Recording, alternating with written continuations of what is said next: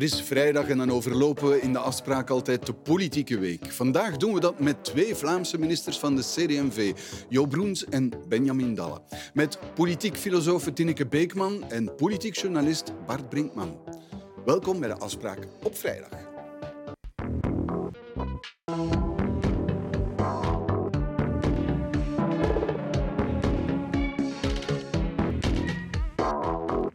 Goedenavond, Jo Broens, Benjamin Dalle. Hoe lang kennen jullie elkaar eigenlijk al? Is dat dan van jong bij CD&V? Hoe gaat dat dan eigenlijk? Wij, hebben elkaar voor het eerst ontmoet op het uh, kabinet Justitie bij uh, Jo van Deurzen in 2008. Uh, ik zelf heb meegedaan aan de verkiezingen in 2007 voor de Kamer en ben dan kabinetaar geworden bij, bij Jo van Deurzen. En daar heb ik Benjamin ontmoet voor de eerste maal. Zijn wij collega's geworden. Die toen wat deed binnen de partij? Ik was toen eigenlijk um, technisch adviseur staatshervorming. Ik ben in 2008 begonnen, eerst bij Yves Le Terme, toen hij vice-eerste minister was in, in de interimregering van Guy Verhofstadt. Uh, en uh, nadien doorgegaan uh, naar het kabinet van Jo van Deurzen, die ook de bevoegdheid staatshervorming onder zich had. Dus in die periode hebben we elkaar ja. leren kennen. Ja. Oké, okay. en ik vermoed dat jullie elkaar de afgelopen dagen wel beter, nog beter hebben leren kennen. Klopt dat? Ja, absoluut. Ik denk het wel. Hè. Dus dat waren zeer, zeer intense dagen, die, ja. uh, wat heb je die, die onderhandeling. geleerd wat je nog niet wist van elkaar? Ik denk dat, wij, dat de conclusie was voor ons twee we heel complementair zijn. Ja, dus ik denk dat uh, Benjamin iemand is die, die, die heel rationeel is en een zeer sterke, sterke jurist. Ik uh, probeer ook de relaties rond de tafel altijd in het oog te houden. Ik, ik hecht daar heel veel belang aan. Dat is ook een van de, van de leerrijke momenten, vond ik, dat we hoe moeilijk het ook was rond de tafel, ook met de tegenpartij, ik heb daar eh, op dat vlak een goed gevoel aan overgehouden. Ik mensen beter leren kennen, zij mij ook beter leren kennen, wij elkaar ook. En vooral dat we complementair waren, dat is mij wel, wel bijgebleven. Dat waren ook de reacties van, van de collega's rond de tafel. Oké, en u, meneer Dalle? Ja, wij kenden elkaar al lang, maar eigenlijk niet zo goed. Ook in de periode tussen 2008 en nu hebben wij elkaar niet zo vaak uh, tegengekomen. Ik heb eens een, uh, een, jeugdkamp als minister van Jeugd in Kinrooi bezocht, maar voor de rest hadden wij niet zo heel vaak uh, contacten. Natuurlijk de laatste jaren wel in de, in de Vlaamse fractie, ja. in onze eigen CD&V-fractie. Maar mij viel vooral op dat Jo iemand is die heel spontaan en authentiek is. Hij is iemand die die uh, zijn, zijn, emoties ook durft te tonen, die, uh, die reageert wanneer oh, hij... Zijn er emoties getoond? Ja, als hij, als hij, uh, als hij, als hij tevreden is of, of verontwaardigd, dat is iemand... Je ziet dat ook, hè, als, hij, als hij reageert. Okay. Dus dat, en, dat vind ik zeer, zeer aangenaam. Het is iemand ook die, die zegt waar het op staat. En effectief, aan de onderhandelingstafel denk ik wel dat we complementair waren. Een, een andere stijl, maar met dezelfde doelstelling. Goed, we hebben jullie als een twee-eenheid uitgenodigd, dus Juist. die complementariteit zal inderdaad nog van pas komen. Goedenavond, Bart Brinkman. Uh, de minister van Justitie, Vincent van Quickenborne, heeft moeten onderduiken. Uh, hebt u al zoiets meegemaakt in uw, in uw carrière, eerder geweten? Um, goh, nee, toch niet in die mate. En, maar ik weet wel dat vroeger... Um, mijn bedreigingen en zo, dat men dat meestal stilhield om, om mensen niet op gedachten te brengen. Ik heb gemerkt dat daar de laatste jaren toch meer openheid rond gegroeid is. Hè, dat politici dat durven vertellen, uh, dat ze extra bewaakt worden. Mevrouw Verlinde komt ook de deur niet uit, heb ik me laten vertellen, zonder vijf bodyguards. Dus dat gebeurt wel meer.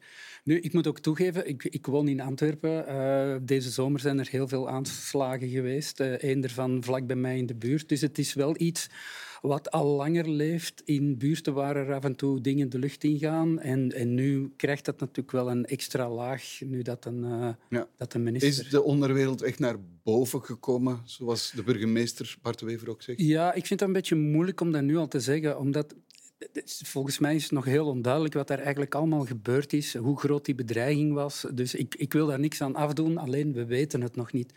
Ik vind alleen dat we moeten opletten met het dramatiseren, omdat je leest dat soms, hè, België wordt stil aan een narco-staat. En ik vind dat volledig fout, omdat zowel politici als, als politiemensen, als justitieambtenaren, ja, die zijn niet corrupt. Uh, die werken niet samen met, met, met terugbendes. Uh, er zal af en toe wel een, uh, rotte appel bij zitten, maar eigenlijk zijn wij een, een stevige democratie en moeten wij zo'n uitdaging aankunnen. Ja. Goedenavond, mevrouw Beekman. Goedenavond. U woont ook in Antwerpen. Mm -hmm. Hoe kijkt u ernaar? Want ik kan me niet van de indruk ontdoen dat het wel ontwrichtend werkt Absoluut. op de samenleving. Ja, ja, en het is ook verontrustend. En het, uh, Het komt ook altijd uh, dichterbij, waar dat je ook woont. Hè. Ehm, nee, het is alles behalve geruststellend. En het klopt inderdaad, hè. we zijn geen narcostaat, maar tegelijkertijd, als je kijkt naar Nederland dan kan het toch ook wel heel snel gaan. Dat er uh, journalisten worden vermoord, dat er uh, advocaten worden vermoord. Er is zoveel geld mee gemoeid. Uh, dat, dat ik dat effectief wel als een enorme bedreiging uh, ja. beschouw, waar de Antwerpen natuurlijk alleen ook niet tegen bestand is. Zegt u, de, de, de, onderwereld is naar boven gekomen. Gaat u zover? Ja? ja, ik denk toch wel dat hij naar boven aan het komen is. Ik denk dat we daar toch ook wel niet naïef in mogen zijn. Oké, okay. goed.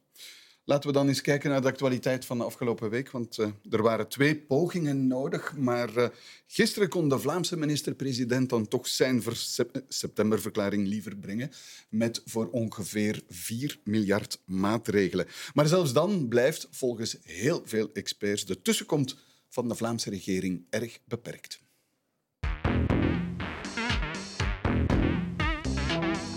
Drie dagen later dan gepland, door een korte maar hevige crisis binnen de regering, heeft minister-president Jan Jambon vanmiddag in het Vlaams parlement zijn septemberverklaring afgelegd. We gaan het groeipakket gevoelig versterken. We indexeren het opnieuw aan 2% Het beste wat Vlaanderen had kunnen doen, en dat zeggen alle armoede-experts uh, samen met mij, is de kinderbijslag uh, indexeren. Als je kijkt naar de, de, laatste 50 jaar of zo, om de 10 jaar ongeveer, is er wel een grote crisis geweest. En als je die wil aanpakken, heb je één ding nodig en dat is een stevige, gezonde begroting. Ik denk dat dit, uh, althans de Vlaamse maatregelen, heel weinig, heel weinig soelaas gaan, gaan brengen voor die mensen die energierekeningen van, van ettelijke honderden euro per maand uh, in de bus krijgen. Ja. En het ergste moet natuurlijk... Ja, meneer Brinkman, uh, Yves Mark zei weinig soelaas, die kinderbijslag, want dat was de twistappel waar het deze week over ging. Hoeveel gaat het dan?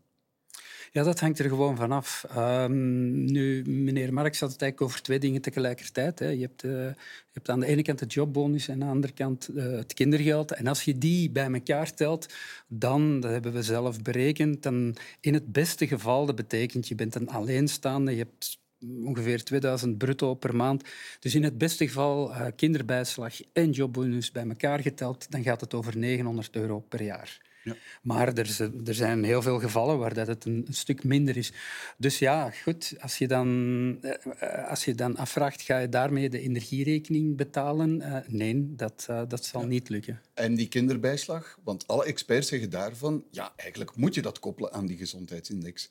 Maar veel verschil zou dat dan ook niet gemaakt hebben, ja, zegt iedereen. Ja, als je het natuurlijk koppelt aan de index, dan praat je al gauw over 10% extra. Als je weet dat je per kind zonder een sociale toeslag, maar dat elk kind goed is voor 170 euro ongeveer. Ja, als daar 10% bij komt uh, en je doet dat maal 12, dan is dat een... Ja, ik zal niet zeggen dat je daar rijk van wordt, maar dat is toch een bepaalde inspanning. Maar goed, de Vlaamse regering wilde die inspanning niet doen, omdat ze die te kostelijk vond en dat ze absoluut tegen 2027 een begroting in evenwicht wil hebben. Ja. Nog even, uh, kinderbijslag, waar komt het eigenlijk vandaan? Wat is de origine? Wel, kinderbijslag bestaat nu ongeveer 100 jaar en oorspronkelijk bedacht door werkgevers die weigerden om werknemers extra loon te betalen, maar wel er iets in zagen dat, ze, ja, dat de nataliteit werd opgekrikt, omdat meer er dan dus. meer kinderen waren en vooral die kinderen kinderen bleven in de buurt en konden dan later gerecruiteerd worden of in de fabriek gaan werken. En na de oorlog, ik denk uh, begin jaren 60, is dat eigenlijk een systeem geworden, een onderdeel van de sociale zekerheid, federaal. Um, gekoppeld aan de index, een bepaalde bijdrage, ook volgens een rangorde. Dat wil zeggen, hoe meer kinderen, hè, je ging exponentieel naar omhoog. En dat is dan met, uh, met het Vlinderakkoord van 2011, of 2013 beter, is dat naar Vlaanderen gekomen, is dat bedrag naar Vlaanderen gekomen. En Vlaanderen heeft daar een ander systeem van gemaakt. Dat heet nu groeipakket om het leven ingewikkeld te maken. Want dat is niet meer van deze tijd? Zeggen van je moet zorgen voor meer kinderen, want dat is goed voor de werkgever. Die kan daar later arbeiders uit uh, halen. Ja, de tijden zijn in dat opzicht echt wel uh, heel erg veranderd. En uh, wat ook wel opviel is dat er, en denk ik ook wel terecht, alleenstaande zeggen, ik heb zelf wel een dochter, maar alleenstaande zeggen, kijk, wij worden eigenlijk enorm belast. Dus je ziet dat die nieuwe samenlevingsvormen, die nieuwe gewoonten, die nieuwe praktijken, natuurlijk eigenlijk ook vragen om aanpassingen in die wetgevingen. Ja, oké. Okay. Goed. Kijk ik even deze kant uit. Klopt het argument dat meneer eh, Brinkman aanhaalt dat Open VLD en N-VA argumenteerden er is geen geld voor indexering? Het is, het is zo, de filosofie zoals meneer Brinkman toelicht, is natuurlijk een oude filosofie. Vandaag zeggen we eigenlijk, dit is een eh, gedeeltelijke, geen volledig, maar gedeeltelijke tegemoetkoming in de kosten van opvoeding van een kind. En je merkt dat die kosten enorm aan het stijgen zijn. Voor een alleenstaande zijn de kosten ook aan het stijgen. Laten we meteen toch naar het, over het debat gaan. Klopt het dat de N-VA en de Open VLD zeiden er is geen geld voor een indexering? Wij waren uh, voorstander van een, uh, van een koppeling inderdaad aan die levensduurte. We hebben dat ook op tafel gelegd en, en heel sterk uh, verdedigd. Maar er was inderdaad geen overeenstemming tussen de drie partners om dat te realiseren. Met het om, argument... Omwille van onder meer financiële redenen. Maar je merkte ook wel dat men geen voorstander was van die algemene maatregel. Zij hadden vooral als argument, kijk, je, zou, je zet beter in op gerichte maatregelen eerder dan een maatregel die er is voor alle gezinnen. Ja. Bij ons is het standpunt je moet, dat je eigenlijk best de beide doet. Je zorgt best voor een goed basisbedrag dat ook stijgt zoveel als mogelijk met de levensduurte. En daarnaast moet je fors investeren in die sociale toeslagen. Ik ben ook minister van Armoedebestrijding. Dat laatste is daarvoor ook heel belangrijk om inderdaad voor de mensen die het het meest nodig hebben, ja. om daar extra voor te doen. Oké, er was geen geld. Um, zal er in de toekomst geld zijn? Met andere woorden, zal CD&V die eis blijven stellen? Want er komen nog legislaturen. Ja, ik denk inderdaad, en nog dat, ik denk inderdaad dat dat voor ons een, een heel belangrijk uh, punt blijft. Dat hebben we ook gezegd. Oké, okay, dus bij de volgende begroting dat, dat zal CD&V opnieuw de eis op tafel leggen om de kinderbijslag te indexeren? Ja, ik denk dat het voor ons een heel belangrijk, een heel belangrijk punt blijft. Maar nu moeten we vooral ook, ook focussen... Ja, ja maar wacht, nu moeten het we blijft een belangrijk punt. Maar zegt u, oké, okay, de volgende keer leggen we dat gewoon terug op de tafel. Maar we hebben nu net een akkoord gemaakt over deze begroting. Ons partijstandpunt is gekend. Dat is al lange tijd ons standpunt. Dat blijft ons standpunt.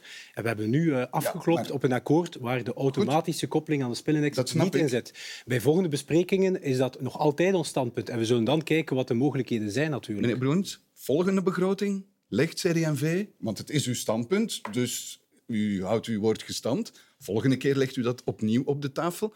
Weten uw partners dat? Ik denk dat wij het, het totale groeipakket, zoals het vandaag uh, op tafel ligt, inderdaad uh, moeten durven bespreken. En voor ons blijft dat, blijft dat inderdaad een, belangrijk, een belangrijk thema. Maar ik wil toch ook vooral focussen op hetgeen maandag op tafel lag. Dat dat voor ons inderdaad niet voldoende was en dat we daar inderdaad tegen woensdag nog 40 miljoen euro hebben bijgedaan. Ik vind dat belangrijk om dat te benadrukken. Want er wordt ooit gevraagd van, je krijgt een situatie op maandag, wat is er veranderd met woensdag? Maandag lag er 160 miljoen op tafel voor 2023. Mm. En tegen woensdag was het, was het 200 miljoen, dus 40 miljoen bijgekomen. Dat was belangrijk om die, die compensatie te doen voor 2023, waar we inderdaad nog zien dat daar een, uh, inderdaad een inflatie zal zijn van 6%. Ja, maar allee, ik wil graag meegaan in dat verhaal. Maar die 40 miljoen die er is bijgekomen, komt van uw budget. Die komt van mijn budget, en die ja. geeft u door aan een budget van uw partijgenoot uh, Hilde Krevits. Ja. Dus laten we zeggen, dat, dat wordt dan onder vrienden geregeld. Ik begrijp dat wel. Jullie moeten natuurlijk beklemtonen van op woensdag lag er iets anders dan op maandag. Maar eigenlijk wat er op woensdag is goedgekeurd, lag er maandag ook al. Alleen ja, wordt daar zo'n beetje zo'n artistiek. Nee, dat... en, en geeft u 40 miljoen van uw eigen budget, want het komt zelfs niet van, van, van de van de pot. Nee, maar u, moet, u moet zelf 40... Dat, dat had u toch gewoon... Daar hebt u zelfs dat heb ik gedaan. Jan Bon niet voor nodig. Dat, ah, jawel, toch, toch wel. Dat toch wel. toch gewoon ja, maar het is goed om dat, om dat debat hier eens te voeren, want u inderdaad inkijkt wel hoe dat gegaan is. Die besparingsvoorstellen, dat zijn eigenlijk middelen die zijn vrijgekomen door de inflatie op andere maatregelen, de doelgroepkorting. Die hebben we het weekend hebben die ook op tafel gelegd. Maar een begroting is ook zoeken naar evenwichten tussen partijen. En het aandeel van CD&V in deze begroting is bijzonder groot. Is bijzonder groot. Bruns, Steun aan de bedrijven, de jobbonus, okay. dat staat allemaal bij mij. En we hebben het groeipakket willen versterken. We hebben daar gezocht... Meneer Bruns, mag, dat... mag, ik, mag ik even... Want u zegt dus, het is die 40 miljoen die ons van mening heeft doen veranderen. Daar konden we... Waarom hebt u dan uzelf die 40 miljoen niet gegeven op maandag? Dat was het probleem opgelost. Heel eenvoudig, omdat we daar geen akkoord over kregen. Ik heb tijdens het weekend... Dus u zegt dat meneer Jan Bon toen weigerde om die 40 miljoen te geven van uw eigen budget en dat daardoor het akkoord geblokkeerd is? Ik ga u vertellen zoals het gegaan is. We hebben tijdens het weekend verschillende malen besparingsvoorstellen op tafel gelegd om het budgettaire verschil, want er was inderdaad ook een stuk een budgettaire discussie. Hè? Dus er waren voorstellen van de collega's die een bepaald budgettair volume uh, met zich meebrachten, 230 miljoen in 2027. En wij wilden daar iets bij doen, om bijvoorbeeld te komen tot een totale indexering. En dat verschil dat nam ik dan op mijn verantwoordelijkheid in mijn eigen budgetten En dat was toen moeilijk en woensdag is dat wel gelukt. Begrip voor de CD&V, voor de houding van de partij? Nou, ik vind eigenlijk, uh, maar dat vind ik al een paar dagen, dat dat debat over de kinderbijslag uh, eigenlijk het, het, belang daarvan wordt totaal overdreven. Dus ik vind ook dat de hele crisis die er geweest is daarvoor... Ik zit als burger met heel andere vragen. Want eigenlijk gaat het, als ik het goed begrijp, ook over de vraag... Willen we een begrotingstekort of niet? Ja, hoeveel geld willen we uitgeven? Willen we um, um, een, een, um, dat beperken of niet? Maar als je kijkt naar vroegere crisissen, bijvoorbeeld in de jaren 70, de energiecrisis, de oliecrisis, die werd eerst opgevat als een tijdelijke crisis. En dus werd er heel veel geld gepompt in bedrijven, in burgers, om de schok daarvan het leven werd op te vangen. Alleen bleek dan in de jaren 80 dat die crisis niet tijdelijk was, maar structureel. En dan zijn er nog in de jaren 80 heel zware besparingen nodig geweest voor die mhm. begroting terug op orde te krijgen. En een begroting op orde krijgen is altijd opnieuw geld van burgers naar de overheid, hoe dan ook. En dus wat ik heel erg mis in het algemeen is een discussie over welke crisissen maken wij door. Zijn die tijdelijk? Zijn die permanent? Is dit een omwenteling? Meer fundamentele uh, discussies over de situatie waarin dat wij ons vandaag de dag bevinden. En ik hoor daar gewoon niks over. Ik hoor uh, zoveel miljoen of, of zoveel 50 euro hier, 20 euro daar. En natuurlijk, zodra je het beeld hebt van de armoede, de kinderen, dan lijkt dat ook perfect legitiem. En het is belangrijk om iets te doen tegen die armoedebestrijding. Daar ben ik helemaal, allez, helemaal voor. Maar in het bredere plaatje van de enorme crisissen er is de oorlog, ja, ik moet allemaal niet opzommen, van Oekraïne en Rusland. Als je ziet dat die oorlog escaleert, dat die gaat over energie enzovoort, dan denk ik toch alsjeblieft, waar is de urgentie mhm. voor de problemen? Daar komt nog bij klimaat enzovoort. Waar is de urgentie voor de problemen waarmee we in de situatie te maken hebben? En ik mis dat volledig. Ja. Ik ben, ik ben in uh, eh, 2019 minister geworden in de Vlaamse regering. Het is al de tweede echte grote crisis die we sindsdien meemaken. We hebben eerst de covid-crisis meegemaakt, twee jaar lang, waar we ook heel fors hebben geïnvesteerd vanuit de Vlaamse regering. We hebben nu een tweede, ja, energie, inflatie, Oekraïne-crisis, waar we ook fors investeren. Maar voor ons was het ook belangrijk om een budgetair traject te hebben dat ons de laatste in 2027 opnieuw in een evenwicht brengt. Dus ook CD&V Ook voor ons is dat belangrijk. Ik ben, allez, als minister van Jeugd kijk ik ook naar de komende generaties. We moeten er wel voor zorgen dat we niet dezelfde fout maken als in de jaren 70, 80, waar we nog altijd eigenlijk betalen voor die schulden. Dus je moet een evenwicht vinden tussen fors genoeg investeren in bedrijven, in, eh, in eh, gezinnen, in de mensen, in verenigingen en organisaties ook, enerzijds. En anderzijds ook zorgen dat je ja, op budgetair vlak eh, zeker mhm. orthodoxie hebt. En dat, denk ik, is met, deze, met dit akkoord wel goed gelukt. Ja. Ja, ja goed gelukt, zegt de minister, maar u blijft op uw honger zitten. Nee, ik, heb, ja, ik, ik mis eigenlijk wel gewoon een algemene discussie, omdat die vraag van orthodoxie of niet, dat wordt natuurlijk meestal gezien als een vraag tussen links of rechts. Waarbij links zegt, je moet meer geld uitgeven in tijden van crisis, rechts meer de neiging zal hebben om zuinig te zijn. Um, en uh, die, die tegenstelling vind je nog altijd hè, tussen de linkse partijen in Vlaanderen, die zeggen, ja, wel, je moet wel meer geld geven enzovoort. Maar, uh, maar los daarvan denk ik dat die vraag over welke crisis dat we meemaken ook noodzakelijk is om... Uh, uh, om zo'n beslissing goed te kunnen inschatten. Ja, maar is het niet zo dat die Vlaamse regering zo streng en zo budgetair orthodox kan zijn, omdat de federale regering zo gul is en al zoveel heeft uitgegeven? Dat is natuurlijk het punt, want ik geef u helemaal gelijk. Alleen de Vlaamse regering kan die crisis niet alleen te baas. We zijn in tegenstelling tot de jaren 70, we zijn een federaal land geworden met verschillende lagen, waarbij natuurlijk de federale overheid een aantal verantwoordelijkheden mhm. heeft en de Vlaamse overheid ook. En je merkt als het puur gaat over energie, en dat valt zelfs te verdedigen, er zijn eigenlijk nauwelijks in, er zijn eigenlijk geen energiemaatregelen genomen. Er zijn koopkrachtmaatregelen genomen. Er zijn wel een miljard is opzij gezet voor meer, voor meer, innova voor meer isolatie en dat soort dingen meer. Dus de eigenlijke energiemaatregelen die worden op het federale niveau genomen. En ik heb vanmorgen vertelde Jan Jan Bon nog, uh, die zei van kijk, het grote verschil van onze begroting met die van de federale is de federale daar zit een zo'n diepe put. Als je daar een miljard of twee bij doet, niemand gaat het merken. De put wordt alleen een beetje dieper. Dus het is toch al, het is maar, toch al Maar die Vlaamse, die Vlaamse overheid heeft natuurlijk een veel gezondere begroting. Ik weet niet juist wat het uh, tekort nu is, 2 miljard of zo.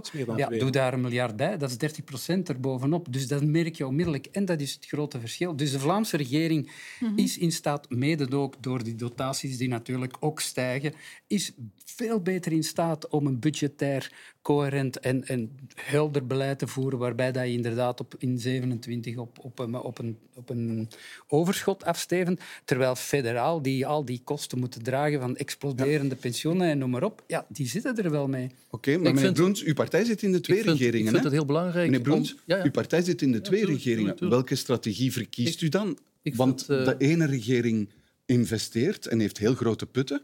De andere regering probeert orthodox te zijn.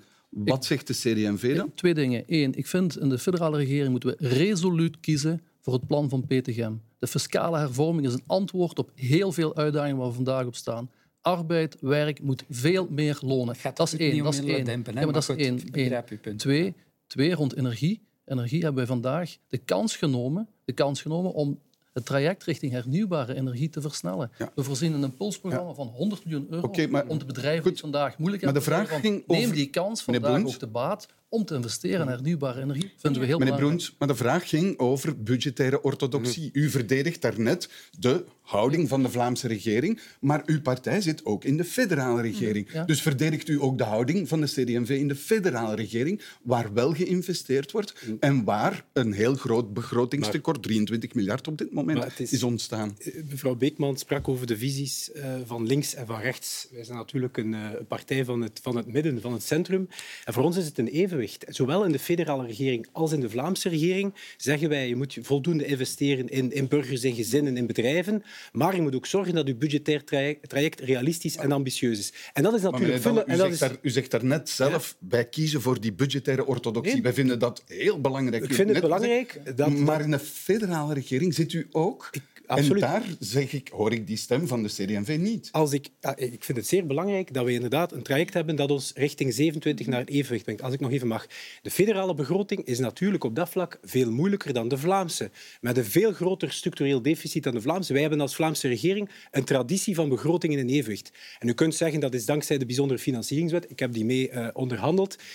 Kijk eens naar de begroting van Wallonië en Brussel zijn die ook uh, richting een evenwicht aan het gaan. Ik zie daar, men gaat naar een schuldgraad richting 200, 300 procent. Met dezelfde financieringswet. Met andere woorden, wij hebben wel een mooi traject in Vlaanderen. We willen dat ook getrouw blijven. We willen daar toch een zekere, ja, een zekere gezonde aanpak hebben naar, naar, naar overheidsfinanciën. Ja? Ja, ik denk als ik naar een um, uh, CD&V mag, enfin, CVP vroeger mag verwijzen, Jean-Luc Dehaan in zijn uh, memoires, en daar, moet ik, daar begrijp ik hun punt wel, um, die schrijft. Dus er zijn een aantal uh, um, redenen waarom dat een compromis en samenwerken in België steeds moeilijker wordt. En een van de dingen die hij citeert, naast territorialiteit uh, bij Vlamingen en persoonrecht bij Franstaligen, is precies consumentenfederalisme als mentaliteit in Franstalig België en uh, fiscale verantwoordelijkheid, denk dat hij het noemt, uh, aan Vlaamse kant. Dus ik denk dat dat deels ook te maken heeft met een andere manier van naar de overheid uh, te kijken, ja. die er bestaat in Vlaanderen tegenover in het federale en het Franstalige landsgedeelte. Maar ik herhaal de vraag aan u, meneer Broens, want je kan niet twee zielen in één borst hebben. Ofwel zeg je budgettaire orthodoxie, dat is zo belangrijk en dat vinden wij echt, dat schuiven we naar voren als principe. En tegelijkertijd deel uitmaken van een Vivaldi-regering waar dat principe helemaal opzij wordt geschoven. Die twee zielen zitten in de borst van de CD&V. Het spijt me. Ja, ik denk dat het altijd zoeken is naar evenwichten, hè, zowel federaal als Vlaams. Wij vonden dat wij Vlaams in, de context van de spilindex misschien nog iets verder mochten gaan met het evenwicht. Hè in 2027. Dat, dat past volledig binnen onze voorstellen.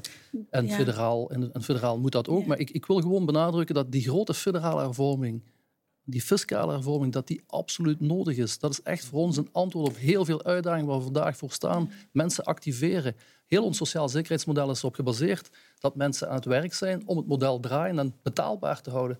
Wij moeten naar die 80% werkzaamheid in Vlaanderen. We hebben daar de federale overheid voor nodig. Dus die fiscale hervorming is voor ons heel belangrijk. Ja, ik denk de vraag is voor mij ook... Um, wie neemt eigenlijk nog die verantwoordelijkheid aan op federaal vlak?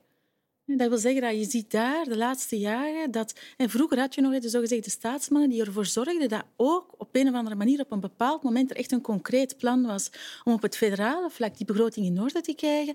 En ik vind dat je nu de indruk krijgt, oké, okay, het is wel crisis enzovoort, maar dat er toch veel meer eensgezindheid is over het uitgeven dan dat er misschien eventueel nog zou kunnen zijn over hoe dat je dat terug op orde krijgt. En dat vind ik ook wel een, be een, een bekommernis. Ja, maar daar is natuurlijk het bijkomend probleem dat Europa de budgettaire teugels heeft losgelaten. Mm -hmm. Dus de Hanen in, tijdens de jaren negentig het globaal plan 93, uh, met, met, met de hoop om België in de euro te krijgen rond 2000. Dat was omdat die Maastricht-normen er waren. Dus de Hane wist, als we dat niet halen, zitten we niet in het, in het koppeloton. Mm ook, um, en, ja, denk um, rond 2010 en zo, toen ook, zeker ook in 2014, heel die begroting, die federale begroting, mm -hmm. moest toen echt het fiat krijgen van Europa. En dan kreeg je allerlei maatregelen, zoals de verhoging van de pensioenleeftijd. Dat is puur op maat van Europa, want dat was budgetair, uh, ging, dat, ging dat helpen. Alleen de laatste twee, drie jaar is dat weggevallen, omwille van corona, omdat er ook andere landen uh, in de problemen zitten. En hij heeft Europa gezegd, goed, we gaan een oogje dichtknijpen. En dan kun je inderdaad alleen maar vaststellen dat België op dit moment denk ik, op de voorlaatste plaats staat. En mm-hmm. binnenkort staan ze op de laatste plaats. Dus dat het inderdaad volledig uit de hand loopt. Het drama van onze Belgische begroting is... Eh, wat wij doen in crisistijd is wat we moeten doen. Namelijk uh, effectief spenderen, ondersteunen, bedrijven, mensen ondersteunen.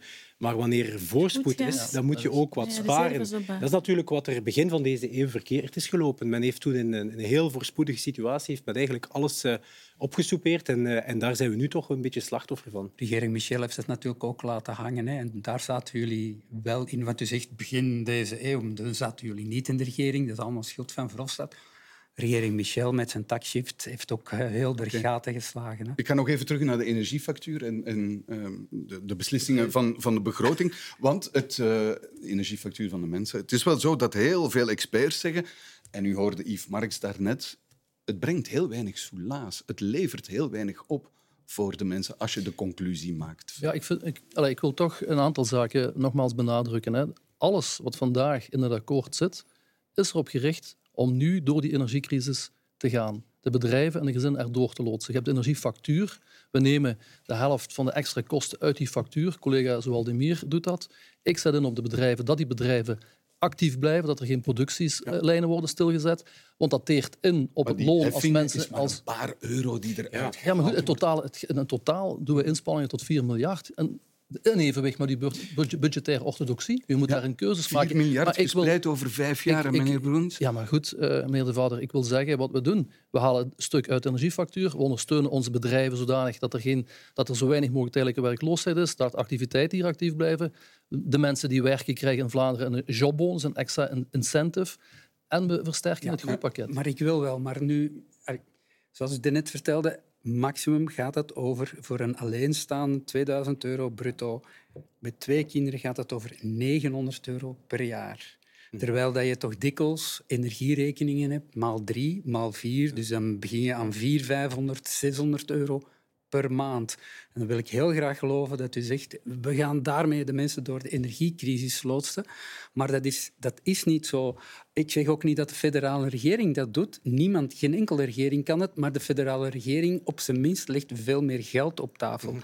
Maar ik geef toe, en dat, dat wil ik ten goede duiden.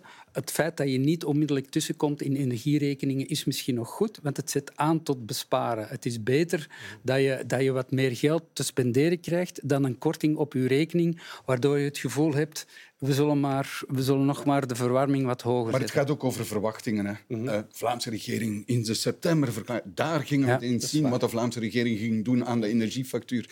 En dan valt het toch wel wat tegen we kunnen als, als overheden samen, niet alleen de Vlaamse, maar ook de federale, niet alle financiële problemen uh, die vandaag bestaan oplossen. We kunnen wel gericht uh, investeren en ondersteunen. Wat de energieprijs betreft, daar zijn natuurlijk heel belangrijke federale maatregelen. Het is onze partij ook die gevraagd heeft om die BTW eh, te verlagen. Zoals Jo ook toelichtte, ja, die Vlaamse heffingen die daarin zitten, die halen we ook uit. Dat is in het verleden gebeurd, gebeurt nu opnieuw.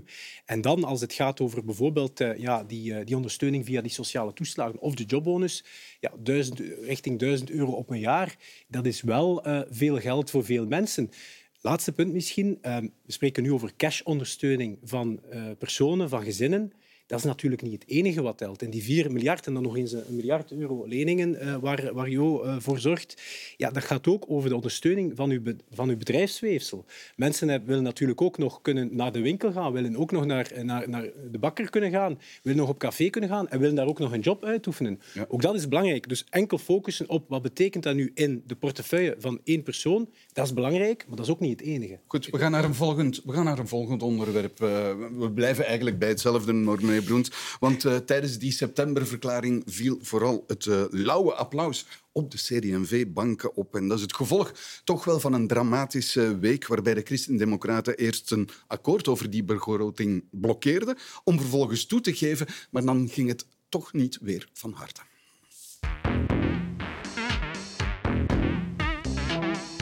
Begrotingsonderhandelingen van de Vlaamse regering zijn vanavond stilgelegd. En dat gebeurde dus nadat vice-minister-president Hilde Krevits van CD&V onwel was geworden. De Vlaamse regering is er niet in geslaagd om tegen vanmiddag een akkoord te vinden over de begroting. Daardoor kon minister-president Jan Bon vanmiddag geen septemberverklaring afleggen. Ik kan u verzekeren dat ik de komende uren en dagen samen met de collega's in de regering hard zal blijven werken, keihard zal blijven werken om een oplossing te vinden voor de laatste knelpunten. U komt gewoon met een leeg blad naar het Vlaams parlement. U bent een keizer zonder kleren, u bent de minister-president zonder Vlaamse regering. Het is een schande. Nu goed, um, je kunt het been stijf houden, je kunt proberen om uh, dat erdoor te krijgen, maar de realiteit is dat uh, ondanks uh, de hele harde woorden en onderhandelingen die er zijn geweest, dat ik niet degene wil zijn die Vlaanderen in een crisis stort. We hebben dat maandag voorgesteld, maar maandag kon dat niet. Vandaag kon dat wel. Dus dat is inderdaad iets extra. Het is een, het is een ongekende crisissituatie waarbij de burgers, de Vlamingen, echt rekenen op die Vlaamse regering. Wat ik maandag hier heb moeten ondergaan was pijnlijk. Pijnlijk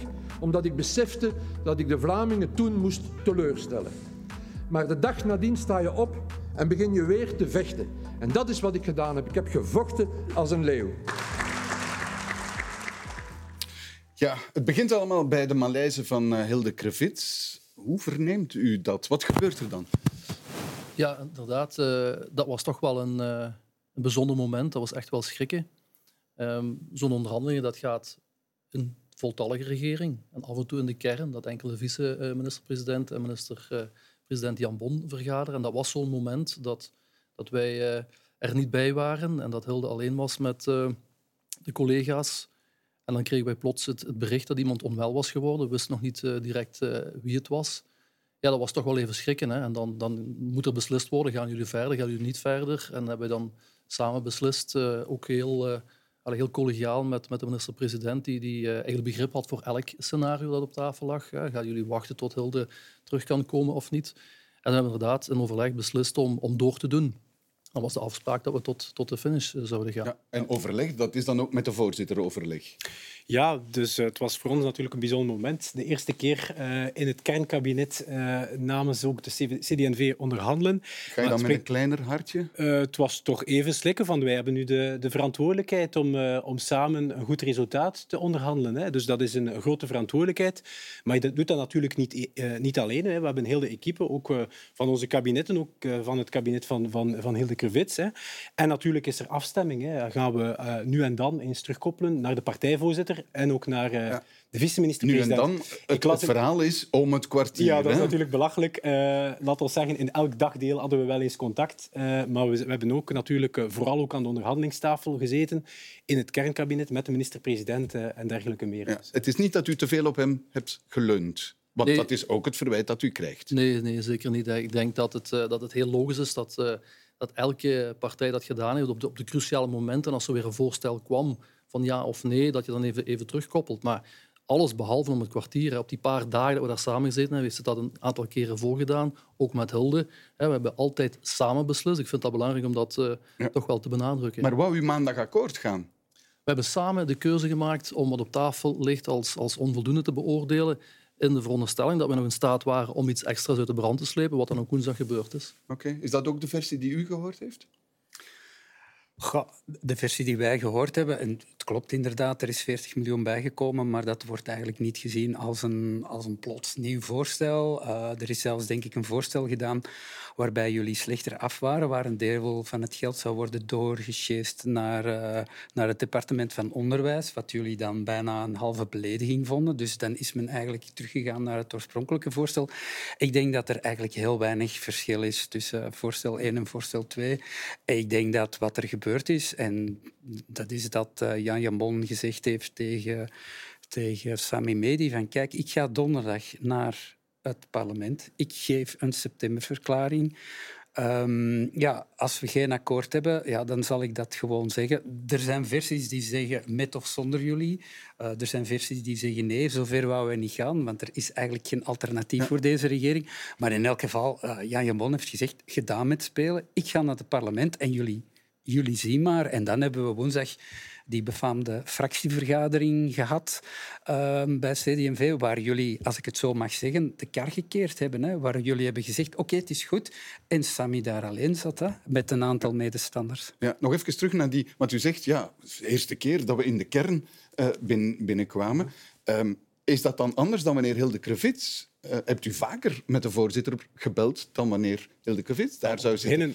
Om, omdat u zelf het verschil maakt van ja, eerste keer in, in de kern toch wel iets indrukwekkends. Ja, om, om te beginnen, er waren twee mannen nodig om een vrouw te vervangen. Dus dat is, dat is al belangrijk.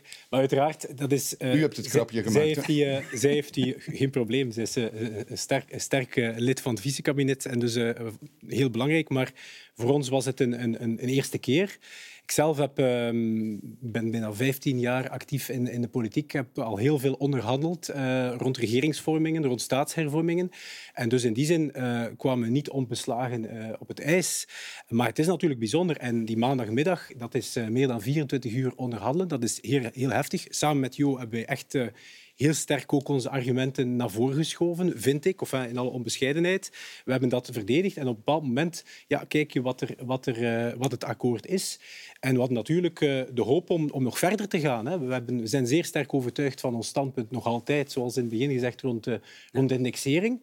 We, hadden daar nog niet, uh, we waren nog niet op het punt dat we dachten dit is, dit is perfect zoals we het zouden willen.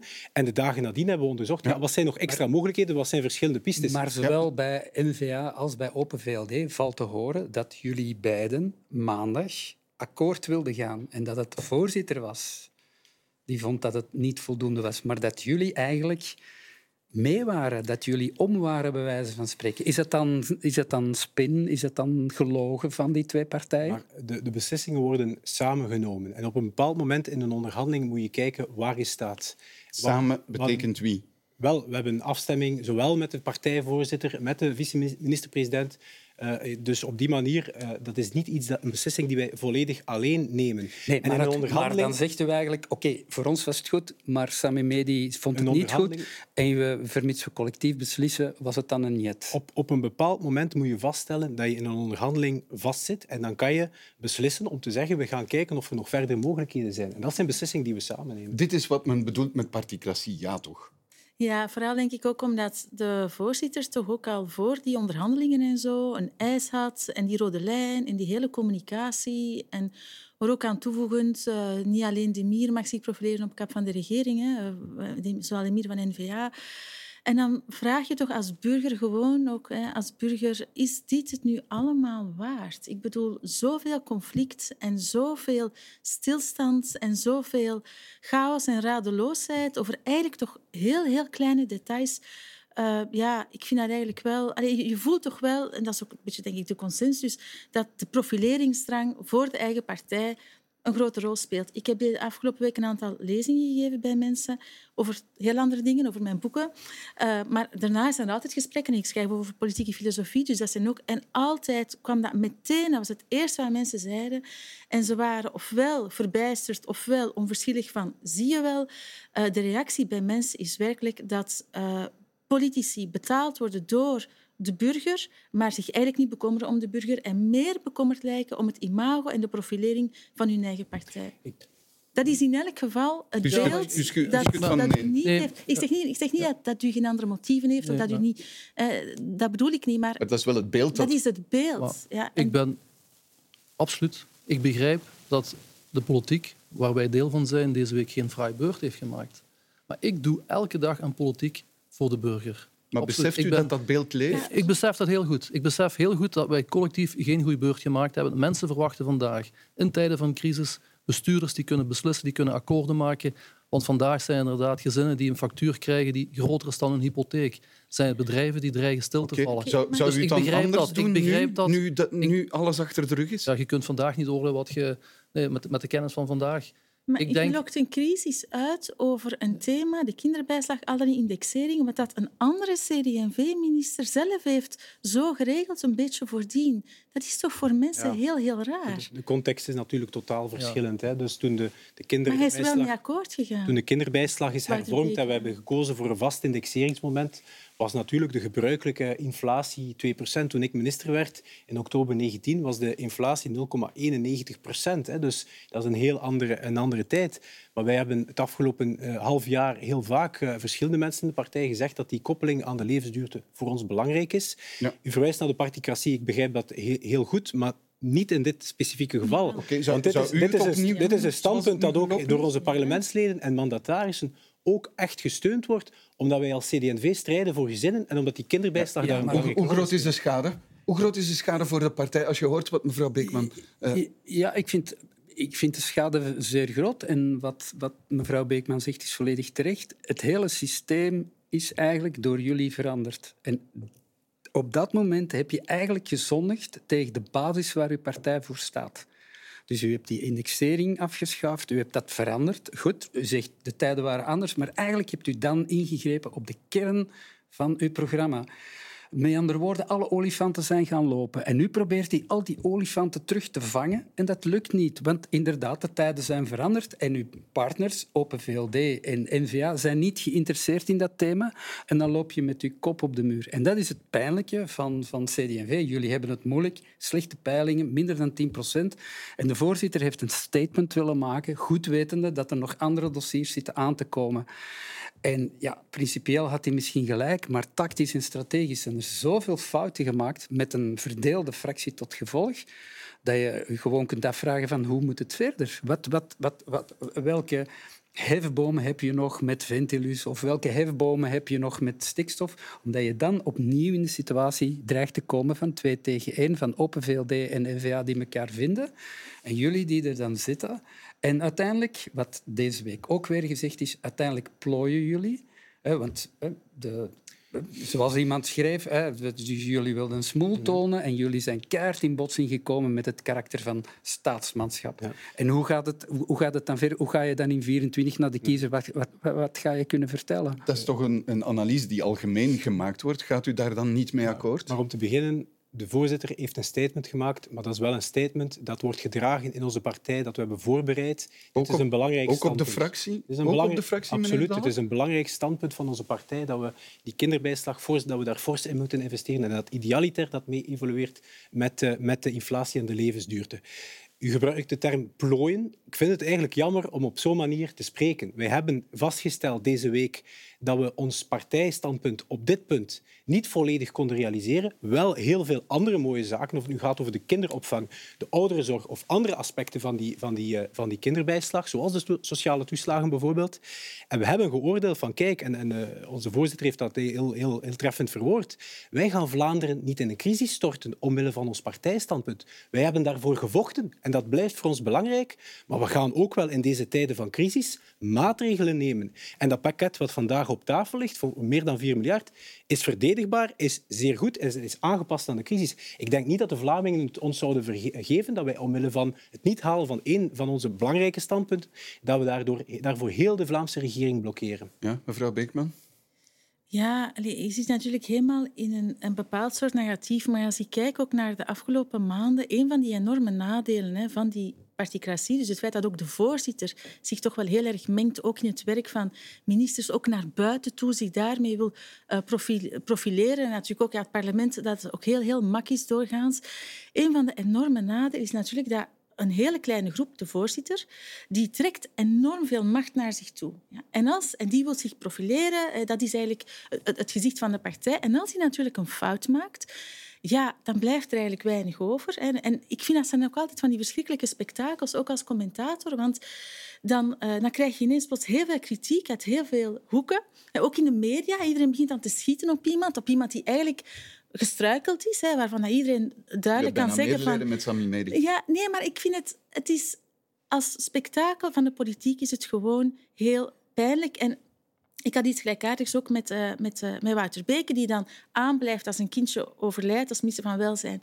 Er komt een peiling, er komt een voorzitterwissel. En dan gaat hij wel weg, wat eigenlijk gewoon onverdedigbaar is. Dus dan krijg je daar ook al heel veel spin rond. Maar tegelijkertijd, als die man dan weg is, krijg je ook heel veel commentaar. Doet de kranten open, overal, heel, heel veel. Terwijl die man dan eigenlijk ook op dat moment op de grond ligt. En dat zijn van die dingen waar je ook gewoon als burger en ook als commentator ook niet altijd goed bij voelt. Er is iets hard en onmenselijk aan die manier van doen, maar die heeft ook te maken precies met die particratie. Die heeft ermee te maken dat één persoon ook alles naar zich toe trekt, waardoor dat je, je kan nu niet meer zeggen ah ja, er is oneenigheid, want de sociale partners denken iets anders, want die sociale partners die zijn ergens te bespeuren en het, het middenveld ook niet. Dus alles is zodanig naar een bepaalde top getrokken dat dat daar zich ook alles afspeelt, soms ook met tot gevolg dat je wel ja, afgrijzelijke spektakels te zien krijgt. En dat vind ik ook, dat geeft ook een heel frank gevoel. Ja. Uh, wie is eigenlijk de baas op dit moment in de partij? Is dat Hilde Krevits of is dat de voorzitter Sami Medi? Want die vraag heel ja, die stelt zich op dit moment. Dat is voor mij heel duidelijk, dat is de voorzitter. Dat is een duidelijk en klaar antwoord. Wij steunen Sami voor 300 procent. Hij is onze voorzitter. Hij neemt de verantwoordelijkheid en heeft dat ook altijd gedaan, ook in die moeilijke momenten die hij heeft uh, meegemaakt deze week. Samen Zelfs met de schade die de voorzitter heeft opgelopen op dit moment? Ja, absoluut. Hij, hij geniet alle steun. Hij heeft die verantwoordelijkheid genomen. Hij heeft in zijn positie als voorzitter gedaan wat hij moest doen in overleg. In overleg, want ik vind het belangrijk. Benjamin heeft het gezegd, ik herhaal we hebben dat samen beslist. Ik ben het wel volledig met u eens. De verruwing in de politiek. De minister-president heeft er naar verwezen. Dat is inderdaad iets wat we vandaag samen vaststellen, wat ik persoonlijk heel erg jammer vind. Ik... Uh, ik heb daar straks naar verwezen. Ik vind het belangrijk dat, dat relaties in de politiek, ook over grenzen heen, dat is het fundament dat is het fundament om sterk beleid op te bouwen. En dat mis ik soms wel, dat geef ik eerlijk toe. U maakt, en als je u maakt wel deel uit van, van dat hele systeem. Ik maak daar deel van naar uzelf te kijken. absoluut, ik maak er deel van uit. Ik maak er ook iedere dag werk van. Het bouwen aan relaties over grenzen heen, over politieke grenzen heen, om tot akkoorden te komen. Daar heb ik de voorbije dagen ja. keihard aan gewerkt. Dat mag u gaan vragen ook aan de conculega's. Doet, u, doet uw voorzitter dat, dat ook voldoende? Hij doet dat ook. Hij doet dat ook. Ja, maar daar wil je toch nog iets op zeggen, als ik even mag. Ik, ik, ik begrijp het volkomen en ik ben het eigenlijk eens met die verruwing van de politiek. En ik vind ook qua woordgebruik moeten ook journalisten wel eens uh, twee keer nadenken, want er, er is nog wel wat gevallen deze week. Maar als ik terugkijk naar Plopsaland, toen uh, de, de voorzitter, 97 procent was het, uh, wordt op het schild gehesen. Zijn eerste speech, herinnert u zich die nog? Ik, ik vond dat eigenlijk een zeer ja, gemene speech, want het kwam erop neer, wij zijn de gooi, wij zijn de goede, zal het in het algemeen Nederlands zeggen, maar zij zijn de slechte. En dan die partij is niet goed bezig, die partij, die partij, die partij. En dan denk ik, dat is dan de voorzitter die de relaties wil, wil onderbouwen. En ik begrijp dat allemaal wel. Hè. Maar eigenlijk is hij daar begonnen met zijn... Jullie wilden het verhaal Koens vergeten, wat ik ook begrijp. Maar hij dacht, ik ben hier, ik sta hier en nu ga, de, nu ga je eens wat zien. En inderdaad, bij de eerste beste gelegenheid heeft hij doorgeduwd. Alleen, ja, je kunt zeggen, we verdedigen voor 300 procent, maar in elk geval, die verdediging afgelopen woensdag tijdens de fractievergadering, dat was geen 300 procent, want hij heeft toen het deksel op de neus gekregen. want dat heb ik daarnet... Ik, ik vraag het nog eens. U zei eensgezind, ook in de fractie. Mhm. Het is wel zo dat er in de fractie een verdeelde partij te zien was. Maar in, in onze fractie hebben wij altijd open gesprekken en worden de verschillende argumenten uitgewisseld. Maar het is de, de voorzitter zelf die heeft geconcludeerd hè, dat we akkoord zouden gaan met, dit, uh, met de septemberverklaring. Omdat anders kan, omdat een aantal parlementsleden meegingen stemmen met de N-VA en de Open VLD op het moment van de stemming, de vertrouwensstemming na het debat. Ik kan niet in zijn hoofd kijken, maar hij heeft gewoon geconcludeerd op basis van het debat. En uh, ik, allee, ik ben het uh, in die zin eens, het debat moet gaan over inhoud, mag niet tegen personen zijn. Dat is ook de manier waarop wij hebben proberen te onderhandelen de afgelopen week. Waar ik het helemaal mee eens ben, is, is wat mevrouw Beekman zegt over, over menselijkheid. Ik denk dat we dat echt nodig hebben in de politiek. En dat samen met eerlijkheid. En, deze, en je merkt dat, eerlijk, dat, dat eigenlijk ook uh, in de media dat dat niet altijd ja, evident is om, daar op een, op een, om, dat te kunnen plaatsen. Bijvoorbeeld wat er deze week gebeurd is. Wat onze voorzitter heeft gezegd uh, op televisie en op, de radio, is wat mij betreft heel eerlijk. Wij hebben een standpunt. Heel veel mensen, de meeste experten vinden dat een goed standpunt. Wij hebben daarvoor gestreden. Wij hebben daarvoor gevochten. En we hebben het uiteindelijk niet volledig binnengehaald. Dat is een vorm van eerlijkheid, vind ik, die we meer kunnen gebruiken. En dan vind ik het jammer dat het onmiddellijk op de persoon wordt gespeeld van de voorzitter tegen de vice-minister-president enzovoort. Dat, dat is jammer, want uiteindelijk gaat het over een inhoudelijk standpunt dat verdedigbaar is, maar wij kunnen in een, eh, in een coalitieregering ons partijstandpunt niet voor 100% realiseren. Dat is ook hoe het gaat. Goed, dat is het einde van deze afspraak eh, op vrijdag. En daarmee is weer een politieke week netjes neergelegd. En zoals altijd dank ik mijn gasten voor de deskundige hulp daarbij. Jo Broens, Benjamin Dalle, Tineke Beekman en Bart Brinkman. En u, dames en heren, dank dat u erbij was. En tot volgende week.